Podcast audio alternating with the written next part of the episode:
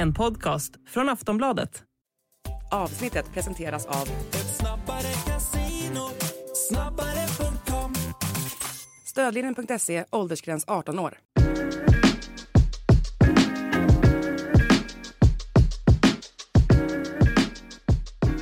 Allsvenska podden är tillbaka och vi öser ju på här hela Eh, sommaren trots att eh, det är uppehåll för vissa. Eh, Allsvenskan har varit igång en vecka nu efter uppehållet och det har hänt en del grejer. Vi ska gå igenom en del matcher. Vi ska gå igenom lite silly. Det är jag, Daniel Kristoffersson och Makoto Asahara. Du, vi börjar väl med lite på ditt specialområde internationell silly här, för det har ju varit en rejält stor övergång här. Viktor Gyökeres landade i eh, dagarna här i Lissabon och är klar för Sporting Lissabon. Han presenterades här under dagen, torsdagen gissar jag. Eh, 280 miljoner betalar Sporting och känns som en jäkla cool övergång för Gyökeres, landslagsavfallaren som ja, har öst in mål i Coventry under den här säsongen. Vad säger du?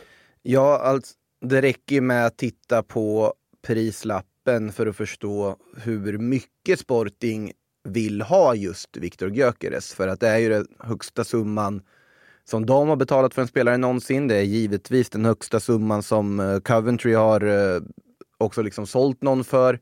Och han blir väl den femte dyraste svensken någonsin efter Alexander Isak, Zlatan Ibrahimovic, som i och för sig har varit dyrare flertal gånger då, Dejan Kulusevski och Victor Nilsson Lindelöf. Mm. Så att det säger ju en väldigt stor del om hur, ja, vilken status han kommer in med. Ja, Och det, bara det bådar ju väldigt, väldigt gott för, eh, för Victor i det här läget. Och att han får komma till en klubb som kan vinna titlar, som spelar i Champions League, som, ja, som är på uppgång på alla sätt och vis. Det är ju en jättebra flytt för hans del. Det känns ju också som att tar ett väldigt klokt beslut. För jag tänker på de klubbar som har varit intresserade. Och det har ju varit West Ham, Wolverhampton, Fulham. Nu var väl de inte aktuell.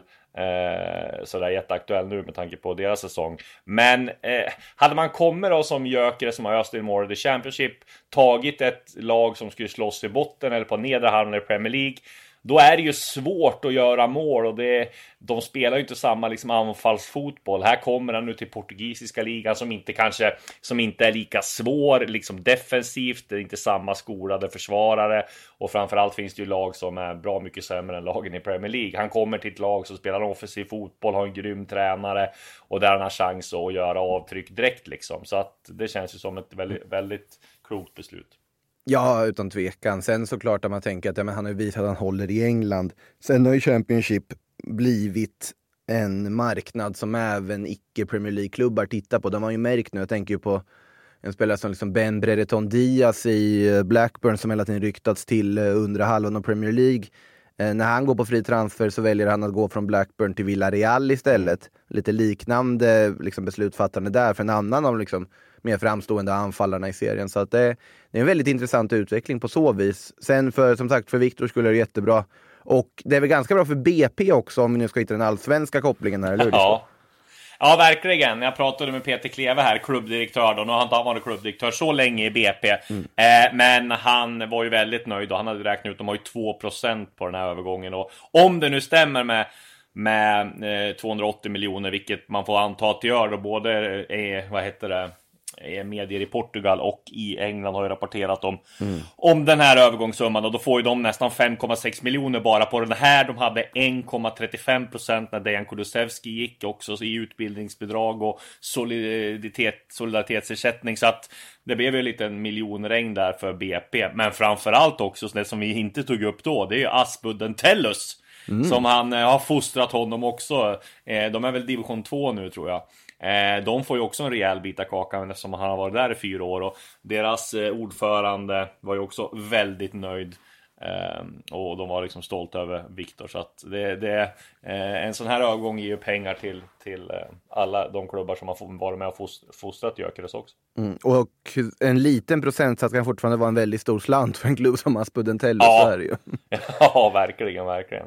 Nej, så riktigt cool övergång. Sen så får man ju säga, det var ju bilder här när de landade, hela hans entourage där på Lissabons eh, flygplats. Och man får väl säga att han, eh, han, det som är liksom eh, fördelen då, det är att han kommer till ett lag med, med liksom, han kan vinna titlar, de spelar offensiv fotboll. Nackdelen blir ju när man, eh, vilket man får räkna med när man värvar som rekordvärvning, han kommer få en, en ganska stor press på sig med tanke på prislappen och det liksom uppbåd som var, så förväntningarna kommer ju ligga väldigt högt. Ja, men det är ju på, på tiden att de gör det, eller på att säga att han får, här får han ju möjligheten att ta det här steget till att verkligen bli en, en stjärna som man kan ja, bli. Absolut, absolut, det är en sak att ösa in mål i en andra division och en av de starkaste i världen andra divisionsmässigt i, i Championship. Då, men det här blir något annat och som sagt, om det skulle bli succé här, då är ju vägen alltså, öppen för ännu större uppdrag och sånt i framtiden. Mm. Tänker också på flytten rent miljömässigt och stadsmässigt. Eh, byta Coventry mot Lissabon. Det, det känns som ett rejält uppköp. Det hade man nog gjort själv också. vet du, du vet vem som har gjort den, den eh, bästa flytten så vis? Det är också en svensk. Vem tänker du då? då? Stefan Ishizaki, Borås, Los Angeles, när han flyttade från Elfsborg till eh, Los Angeles Galaxy. Ja, och den, den värsta tvärtom, den har ju Bojan Kirkic gjort, när han gick från Barcelona med på lån till Stoke-on-Trent. Ja, den, den är inte jätterolig. Ja, vi hade ju en period vi hade väldigt många svenskar att spela i Hansa Rostock. Uh, inget ja, ont exakt. om Tyskland, men Rostock är väl inte världens roligaste plats om man har förstått det i alla fall. Nej, men de som spelar där kommer ju från Halmstad och i och Halmstad är väldigt fint, men Trelleborg också så att uh, de bytte ju liksom ja, alltså, ja, på, på, så vis är det ju givetvis. det, är, det, är, inte Borås, LA eller Barcelona, Stoke-on-Trent i alla fall. Jag tycker Borås får oförtjänt mycket skit ganska ofta. Jag kan tycka det är en ganska trevlig stad de gånger jag varit i den. Jag håller helt med. Jag håller helt med. Men du, om vi förflyttar oss lite grann då. Vi är kvar i Premier League i alla fall. Vi pratade lite om det här buden som Gyökeres hade då. Så är ju Benny Traoré i princip klar för Sheffield United.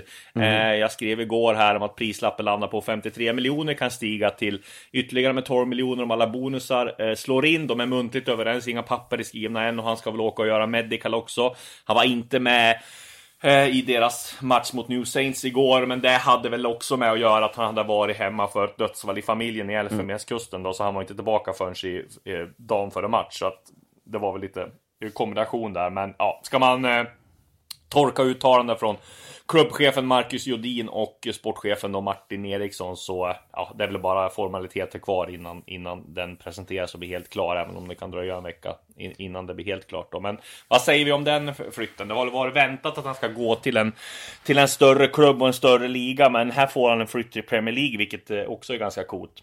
Ja, det ska bli intressant att se hur, eh, alltså vilken roll han kommer ha i Sheffield United.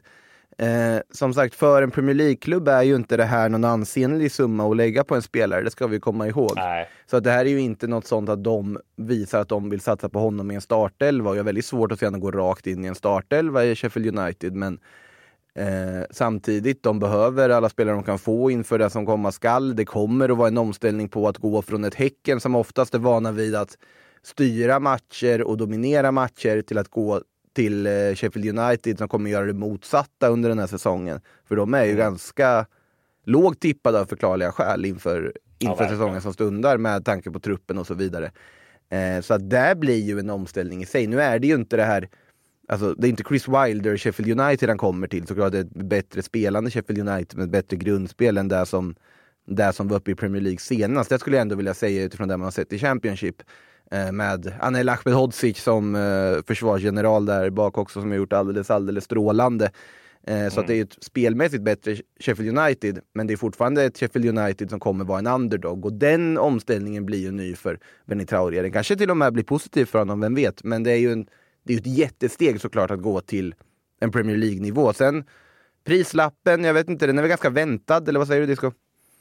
Ja, men alltså jag det var ju många som tyckte att han var för låg det här Häcken-supportrar när de har mm. sett, liksom, eh, när de har sett, eller andra supportrar också, när de har sett liksom Malmö sälja. Så, men där tror jag man måste liksom, man kan inte göra så här bara för att Malmö säljer så kan de andra sälja. Där ser de ju vad Häcken har sålt för tidigare och sådär. Och är det ju, jag tycker att det är en, allt över 50 miljoner från Allsvenskan, även i de här tiderna, tycker jag är riktigt, riktigt bra. Man får ju tänka på vad han kom för. Han kommer bara få en eller två miljoner för, för två säsonger sedan, så det är ju ruggig nettovinst. Och sen att de får mycket av pengarna direkt och sen så att det finns liksom en, en uppsida på det i bonusar också. Jag tycker det är en, en jättebra affär och så att det, det, finns inte så mycket att säga om. Det är bara att sälja om man får över 50 miljoner. Sen ska man ju säga det också att det som öppnar upp för den här affären tror jag. Dels tror jag de värvar på potential. Jag tror inte heller att han går direkt in i startelvan. Mm. Även fast jag tror att han kan mycket väl vara i startelvan.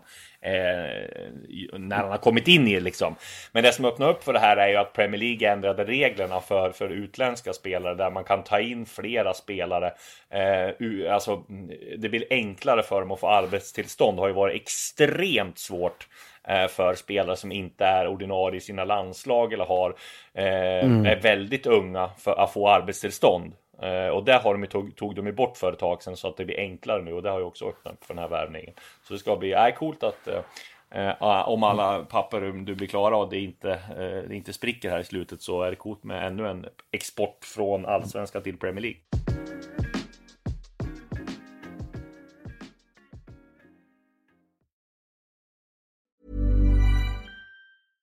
Hey, I'm Ryan Reynolds. At Mint Mobile, we like to do the opposite of what Big Wireless does. They charge you a lot, we charge you a little. So naturally, when they announced they'd be raising their prices due to inflation, we decided to deflate our prices due to not hating you. That's right. We're cutting the price of Mint Unlimited from $30 a month to just $15 a month. Give it a try at mintmobile.com slash switch. $45 upfront for three months plus taxes and fees. Promo for new customers for limited time. Unlimited more than 40 gigabytes per month. Slows. Full terms at mintmobile.com. Det här, det här med prislappen, att från allsvenskan håller jag med utifrån vad som har varit tidigare. Sen så, här så, så sticker det såklart säkert i ögonen för uh, vissa Häckensupportrar. Man ser att Inter nu värvade Jan Aurel Bissek från danska ligan och gör det för 7 miljoner euro. Uh, och då pratar vi om ja. mittback som inte alls kostar i närheten så mycket när Århus köpte loss honom för en säsong sedan. Nej. Det är ju en annan Alltså de är ju mycket bättre på att ta betalt både i Danmark och ja. Norge, men det är ju sen gammalt. Sen gäller det för ja. Sverige att den här typen av övergångar som till exempel ja, den här för Benny Traoré, Hugo Larsson tänker jag på givetvis också. Mm. Eh, sånt trissar ju upp så att man lägger en annan prisbild framöver. Och, eh, och på det viset tror jag väl att prislapparna kommer öka för svenska klubbar som säljer till utlandet. Det är jag helt övertygad om att de kommer göra på sikt. Men eh, samtidigt så vill man ju ha Danmark och Norge utvecklas ju de prislapparna också samtidigt. Så att, men nej, såklart att det ändå, vad var vi sa, 50 plus 10 rund, i runda slängar. Det är ju fortfarande en liksom väldigt bra summa för, för BK Häcken på så vis. Mm. Ja, så känns det. Sen beror det på också, de där plus 10, hur realistiska är de? Ja, men man gissar väl att det är det klassiska då. Nu när det är en klubb som, som Sheffield United så är det ett, de ska hålla sig kvar och han ska spela ett visst, ja. han ska stå, spela ett visst antal matcher. Två, eh, de liksom målen som han gör eller assisten mm. som han gör. Eh, tre, att de kommer över en viss placering eller sånt där. Det är inga Ballon d'Or-klausuler direkt som ligger där. Nej, inga Champions League eller Europa League heller tror jag. Ja. Eh, nej, men ja, det blir spännande att följa. Men när vi är ändå inne på övergångssummor, så har ju Malmö FF visat musklerna här mm. när de värvar in Lasse Berg Jonsson från från Randers. Så där finns det ju två saker som jag skulle vilja belysa här. Dels att vi har fått ett nytt fenomen inom silly-journalistiken, frisörklar eh, för, här skrev, för här skrev ju jag eh, här i, i dagarna här att han var helt klar och skulle eh, ja, eh, alltså skulle presenteras och sen så går hans frisör ut och, och be, liksom eh, eh säger det här eh, på sin Instagram att eh, Lasse Berg Jonsson är klar för Malmö FF och han, jag ska göra han, honom fin nu inför flytten när han åker dit. Eh, och det här uppmärksammades ju av många på sociala medier och jag tror till och med att eh, vad heter det, Kvällsposten eh, ringde till Daniel, eller eh, mässade Daniel Andersson och, och, och menar på att om han kunde bekräfta då svarade bara eh, Daniel Andersson med, emoji, med skrattemojer så det var, det var lite roligt att, att det blev så. Frisörklar alltså, förr har det funnits eh, vad heter det, även whiteboard klar men det blev ju aldrig av när eh, Noah Persson där skulle gå till Hammarby när Jesper Jansson hade skrivit Nej, man, man ska aldrig räkna in någon som är whiteboard klar, det kan vi ju komma Nej, och inte, sen finns det ju Stefan Batan klar också, han var ju Batan klar för för eh, AIK. Han hade skrivit på den men ändras och skrev på för Djurgården. An annars är det klassiska Instagram klar också när, när man ser att en spelare börjat följa ett lag. Eller spelarna i det här laget på sociala medier. Då vet man att någonting är på gång. Ja, exakt. Nej, men där då, den andra saken är att Malmö visar musklerna och betalar nästan 15 miljoner till Randers och att just Malmö vinner. Det var, där tror jag att FCK och FC Nordsjälland har varit på och nosat, även fast de kanske inte var med liksom ända in i slutet. Men att Malmö drar loss en av danska ligans bästa eh, centrala mittfältare, sexer, det är ju en del, säger ju en del också om Malmös styrka och vad, vad de kan betala. Betalar nästan 15 miljoner, eller drygt 15 miljoner för honom då, så det är ju en, en Eh, de får ju äntligen då sin, sin nummer sexa där, där de kan eh, liksom visa klassen där. De har ju haft problem med Lomotey och vad det var. Han lånas ut nu och mm. ja, de har haft lite skador på, på de positionerna. Så, och, och AC vet ju alla att han inte spelar mer mm. nästa säsongen. Så att, eh, nej, det känns som en väldigt spännande värvning av Malmö. Ja, det märktes väl här nu mot uh, Mjällby. Det, ja, ska man säga, att det blev varit lite pyspunka över den alltså med inramningen och allting som var där och inför Pontus Janssons första minuter som efter den allsvenska återkomsten, uh, Mjällby med uh, Löken i spetsen ju med 1 plus 1 på personliga kontot satt ju till och, och fixade tre poäng till Mjällby istället. Men där märkte jag tyckte jag att Oskar Lewicki, all respekt i allt han har gjort och han har varit en fantastisk spelare under väldigt många år. Men idag kanske han inte riktigt är den som ska vara den bärande på ett mittfält. Nu var det ett väldigt roterat Malmö på grund av skador och så vidare. Det, det ska ju sägas det. Och att de som kom in tog väl inte riktigt heller chansen här. Nej. Men såklart att det, det, finns ju fortfarande väldigt mycket mittfältare att tillgå med Otto Rosengren som kommit in och så vidare. Jag tycker ju Sergio Peña fortfarande håller en väldigt hög nivå. Eh, du har Mahamsi Bi som är på väg tillbaka från skada som jag var extremt eh, frälst av i början innan han fick den här jättetråkiga skadan. Såg jättespännande ut tyckte jag. Eh, får se om han kan komma tillbaka i, i den formen igen. Eh, så att det är ju en hård konkurrenssituation, men det ska det vara i en klubb som Malmö FF också. Så att det, det här är ju en jättebra ja. värvning, givetvis. Ja, precis. Och vi går vidare till eh, Bayern då så väntas ju Anton Kralj stanna där. Där har de Eh, tittar de på en, en, liksom en, få in en konkurrent till honom. Krail har ju mm. liksom ett, um, skrev in ett korttidskontrakt med option och har de inte sagt upp optioner innan lördag så, så fortsätter kontraktet i ett och ett halvt år och som jag fattar det som så vill Martis Cifuentes då framförallt ha kvar honom. Mm. Han har fått, fått besked om att att han blir kvar är ju en billig spelare också. Hammarby har ju inte överdrivet jättemycket pengar att värva för här då. Där har de ju också en, eh, vad heter det, en vänsterback på väg in då. Eh, där de tittar på olika alternativ. Det har varit Sigurd Eison i Östers IF. Det är ju inget klart men det pågår lite diskussioner där.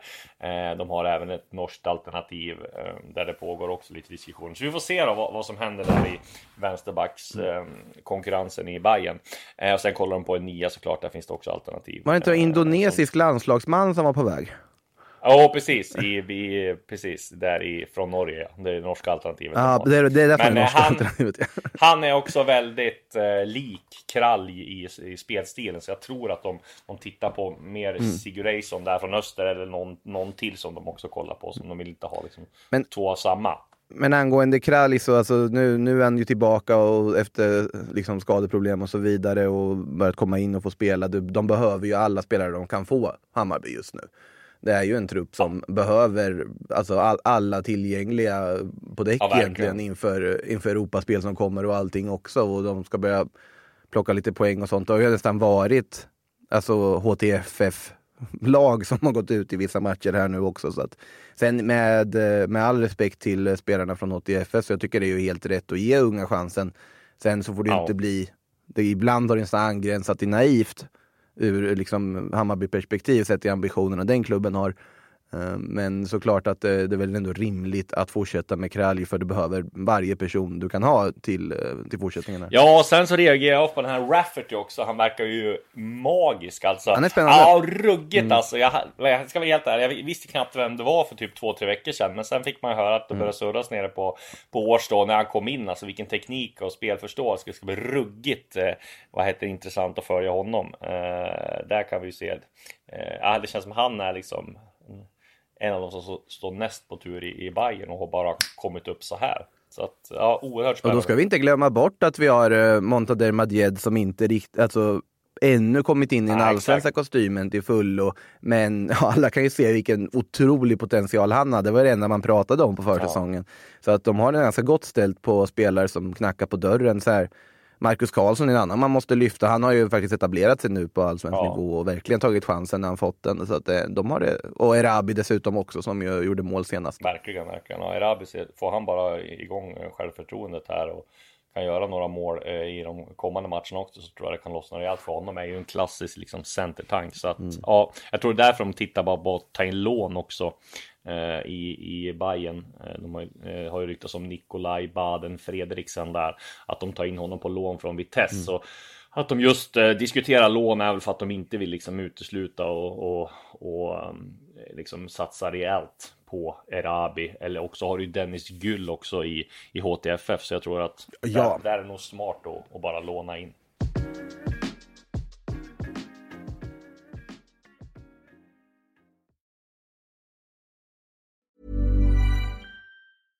Ryan Reynolds here from Mint Mobile. With the price of just about everything going up during inflation, we thought we'd bring our prices down.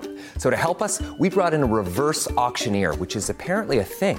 Mint Mobile unlimited premium wireless. Ready to get 30, 30, bit to get 30, bit to get 20, 20, 20, bit to get 20, 20, bit to get 15, 15, 15, 15 just 15 bucks a month. So, Give it a try at mintmobile.com slash switch. $45 upfront for three months plus taxes and fees. Promo rate for new customers for limited time. Unlimited more than 40 gigabytes per month. Slows. Full terms at mintmobile.com. Tittar vi på AIK då så har de eh, fått en ny tränare. Fotbollskanalen skriver nu att Sokolowski är på plats. Eh, polacken här som har jobbat väldigt nära Henning Berg var väl extremt väntat med tanke på att ja, en sån som Henning Berg tar ju inte ett jobb eh, i AIK om man inte får, eh, får med sig en egen eh, assisterande tränare och Sokolowski har haft med sig överallt. Så att det känns som det, det, det blir bra eh, för Berg. Men sen måste de ju såklart börja vinna. Kommer ju eh, få en ångestmatch nu mot Varberg här på, på måndag. Varberg som eh, ja, eh, är ganska enkelt får man säga avfärdar IFK Göteborg eh, på Gamla Ullevi. Eh, där eh, IFK Göteborg bara hade ett skott på mål och Varberg såg ganska, ganska vassa ut. Så Varberg har, har nog potential, men får vi se då vart AIK står också där. Det, det blir lite av en ångestmatch där också.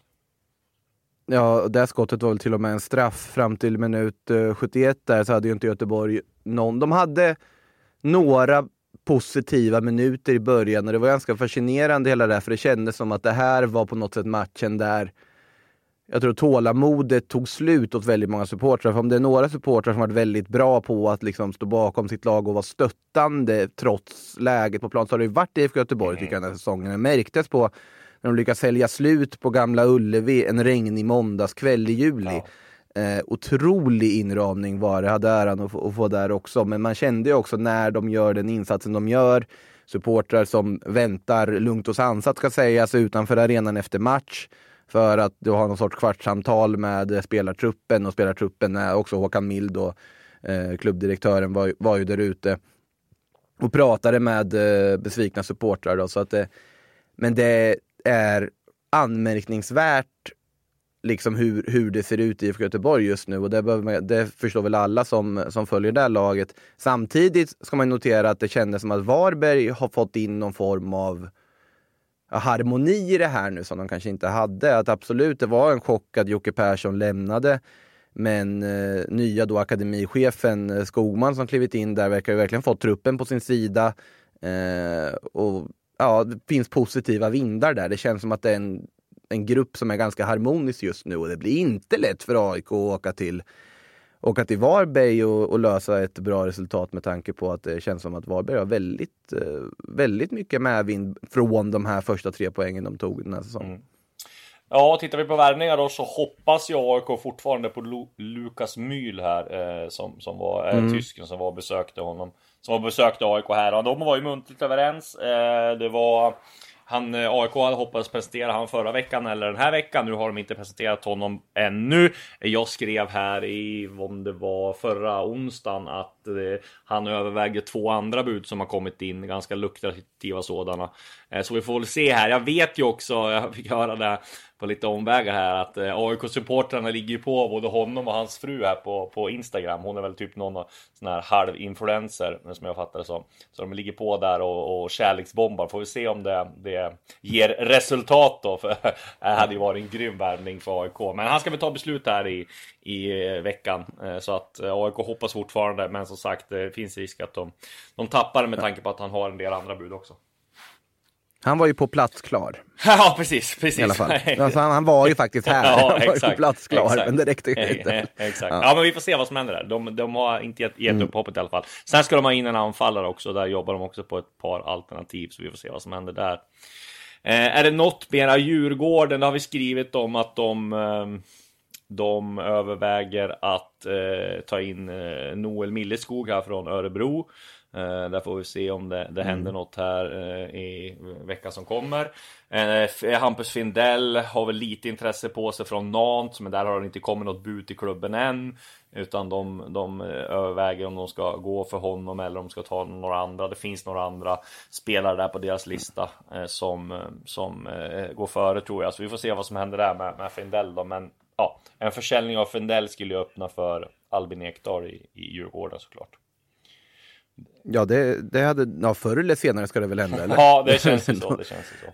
Alltså, ja, det känns som otroligt menat. Sen får vi se när och hur det, det händer. Mm. Eh, men på något sätt någon gång så hade man väl ändå varit väldigt förvånad om det inte skulle ske. Nej.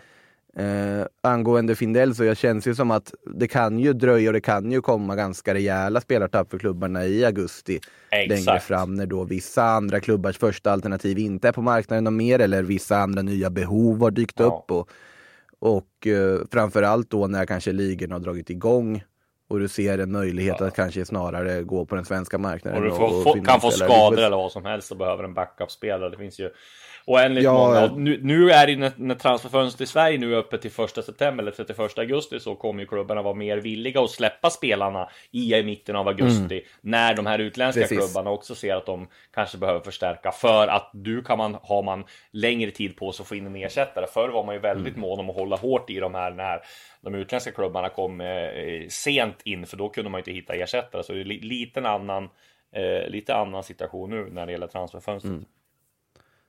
Angående Djurgården får vi väl se där om uh, Musa Gurbanli och då Felix Va är tillgängliga till Malmö va? Ja, precis. Det har vi inte fått något svar på än. Eh, De jo- jobbar väl på det, men ibland kan det gå jättefort och ibland kan det ta väldigt lång tid. Eh, Det är väl just med pappersarbetet där. Så att, ja, vi får återstå och se vad som händer där. Med det så lämnar vi Silly-segmentet här och så går vi in på lite av de kommande matcherna. För det spelas ju Eh, full omgång i helgen och på måndag. Om vi ska gå igenom lite av de här mer intressanta matcherna då, eh, så är det väl just som vi var inne på Varberg-AIK. Den har vi gått igenom. Sen har vi ju Elfsborg eh, som ditt Blåvitt. De kommer möta Blåvitt och det är ju kanske en mardrömsmotståndare för IFK Göteborg i det här läget. Man möter kanske formstarkaste laget i allsvenskan som bara kör över allt och alla just nu och har ju väldigt många formstarka spelare. Eh, och så Blåvitt då med, med sin form och, och kris där och nej, det känns som det blir en ruggigt svår match eh, på Borås Arena för IFK Göteborg. Eller vad din spontana tanke om det mötet? El Vestico Ja. som vi brukar säga. El Vestico ja. ja, alltså på pappret så känns det som att eh, det kan bli väldigt, väldigt jobbigt för, för IFK Göteborg här. Samtidigt så känns det som att alltså sättet de, problemet de har haft till st stor del tycker jag hittills är att de har ju inte kunnat alltså skapa saker i matcher de förväntas föra, som mot Varberg hemma till exempel. Jag tror att deras sätt och liksom det som Jens Asko har implementerat hittills, nu var det väl inte mycket av det som syntes mot Varberg heller, men det är ju en mer pragmatisk approach till saker och ting. Det är ju känslan. Ja. Och ur det perspektivet och också med tanke på att det kan mycket väl ha varit ett rejält wake-up call på alla sätt och vis att få en sån här Alltså en förlust, eller de, de har ju varit i någon form av mardröm konstant här nu under hela våren ska sägas, så någon form av uppvaknande ska man väl inte kalla det. Men ja, det är ingen lätt match, men de har också på något sätt allt att Ja, vinna, för lite det här är en match som ingen förväntar sig att de ska göra någonting Nej, med. precis. Lite så är det. De får ta med sig. De får ändra det till något positivt. Eh, andra då som jag tänker på är Djurgården-Malmö. Det är också ruskigt. Djurgården har varit lite upp och ner. Nu vann man senast här, eh, fast man kanske inte övertygade sådär jättemycket. Men det var en extremt viktig, viktig seger. Nu ställs man mot ett Malmö som oväntat torskade mot eh, Mjällby här eh, senast. Eh, och kanske lite frågetecken för formen där. Nu får vi väl anta va, att Pontus Jansson går in direkt från start. Eh, och även kanske Otto Rosengren, eller? Ja, alltså det, nu... Vad ska man säga? Martin Olsson tog väl inte riktigt chansen som i sin lite ovana roll eh, här nu senast när han fick eh, kampera med eh, Moisander där i mittlåset ja. och Pontus Jansson kom in med kvarten kvar. Så det är inte otänkbart att Jansson skulle, om han är redo, men det var ju också Rydström tydlig med därefter att man kommer inte skynda Nej, i onödan och ta några risker med Pontus Jansson. Så att jag är ju inte helt hundra på att han går in och startar med det i åtanke att han kanske inte är redo för 90 minuter än. Det är ju svårt att veta. Ja, eh, sen tror jag väl i och för sig att det kommer ju ske förändringar i startelvan, det tror jag. Ja, 100 procent. Eh, med tanke på hur det såg ut senast. det Bytte finns väl tre eller fyra i paus? Nej, de gjorde ju inte det. De dröjde Aha. med bytena ett, ett tag och tog ett trippelbyte längre fram. Ah, så var det. Så var det ja. Istället när eh, det var Jörgensen bland annat som kom in i förvärvet ja. och Seydou och några andra. Eh, men att där ångrar väl Rydström lite också på att han kände väl att han inte gjorde rätt i den här matchen. Där kan vi dock prata att det var snarare ett wake-up call. Att, ja men okej. Okay. Och eh, det finns vissa spelare som kanske inte lyfter sig i det här läget, var det väl det han insinuerade åtminstone. Så det kan nog mycket väl ske vissa förändringar i startelvan och han har fått lite mer svar på olika saker. Eh, sen är det en helt annan grej att möta Djurgården borta jämfört med att eh, spela hemma mot Mjällby i det här läget också. Men eh, vi lär nog få se ett klart bättre Malmö på Tele2 på måndag, det är jag övertygad om. Precis, och sen så sista det här så möter ju Kalmar Hammarby på Tele2 Arena. Eh, där får vi se om Hammarby kan rida vidare på den här vågen då när de blev lite positiva vinnare när de vann mot Sirius. Så de här unga spelarna levererade. Eh, mm. Spännande att se vad de Kalmar måste ju sitta tillbaka efter sin eh, ja, utskåpning som de åkte på. Det var ju Elfsborg som ja, gick in och förstörde Olle Nordin-omgången. Exakt. Som de gjorde det, det, det är ju inte okej. Okay. Alltså när, när, alla andra matcher lyckas sluta 1-2. Att, ja. att bara släpp in ett mål och gör några färre så har vi den liksom ultimata allsvenska omgången. Idel 1-2 borta segrar. Man skulle haft överspel, eh. överspelet i alla matcher. ja, det, det, det satt. eh, man måste väl säga någonting om eh, Häcken också tänkte jag innan vi, ja, vi checkade ut på, på Champions League-spelet här igår. Det är ju fascinerande när det är en sån kvalitetsskillnad att liksom tonen och jargongen efter en 3-1-seger i ett första möte är att varför höll gästerna på att maska så mycket? Ja. Eh, det säger en del om hur stora favoriter Häcken är och har varit i det här dubbelmötet. Och det märktes ju efter två minuter av den här matchen att det här är, det är totalt andra världar. Ja. Eh, nu, nu fick man bara inom citationstecken 3-1 och det typ halvt lever ändå till returen. Om då, då alltså New Saint skulle få något snabbt mål eller så, men det Häcken ska ja, Det är svårt att se det. Ja, det här löser ja, men De är ju ofantligt mycket bättre fotbollslag och det tyckte jag märktes ja. väldigt, väldigt tydligt i matchen igår. Verkligen. Och med Häcken så avslutar vi det här, den här allsvenska podden. Vi är tillbaka nästa vecka med fullspäckad silly och fullspäckad omgång. Så vi säger tack för det här avsnittet.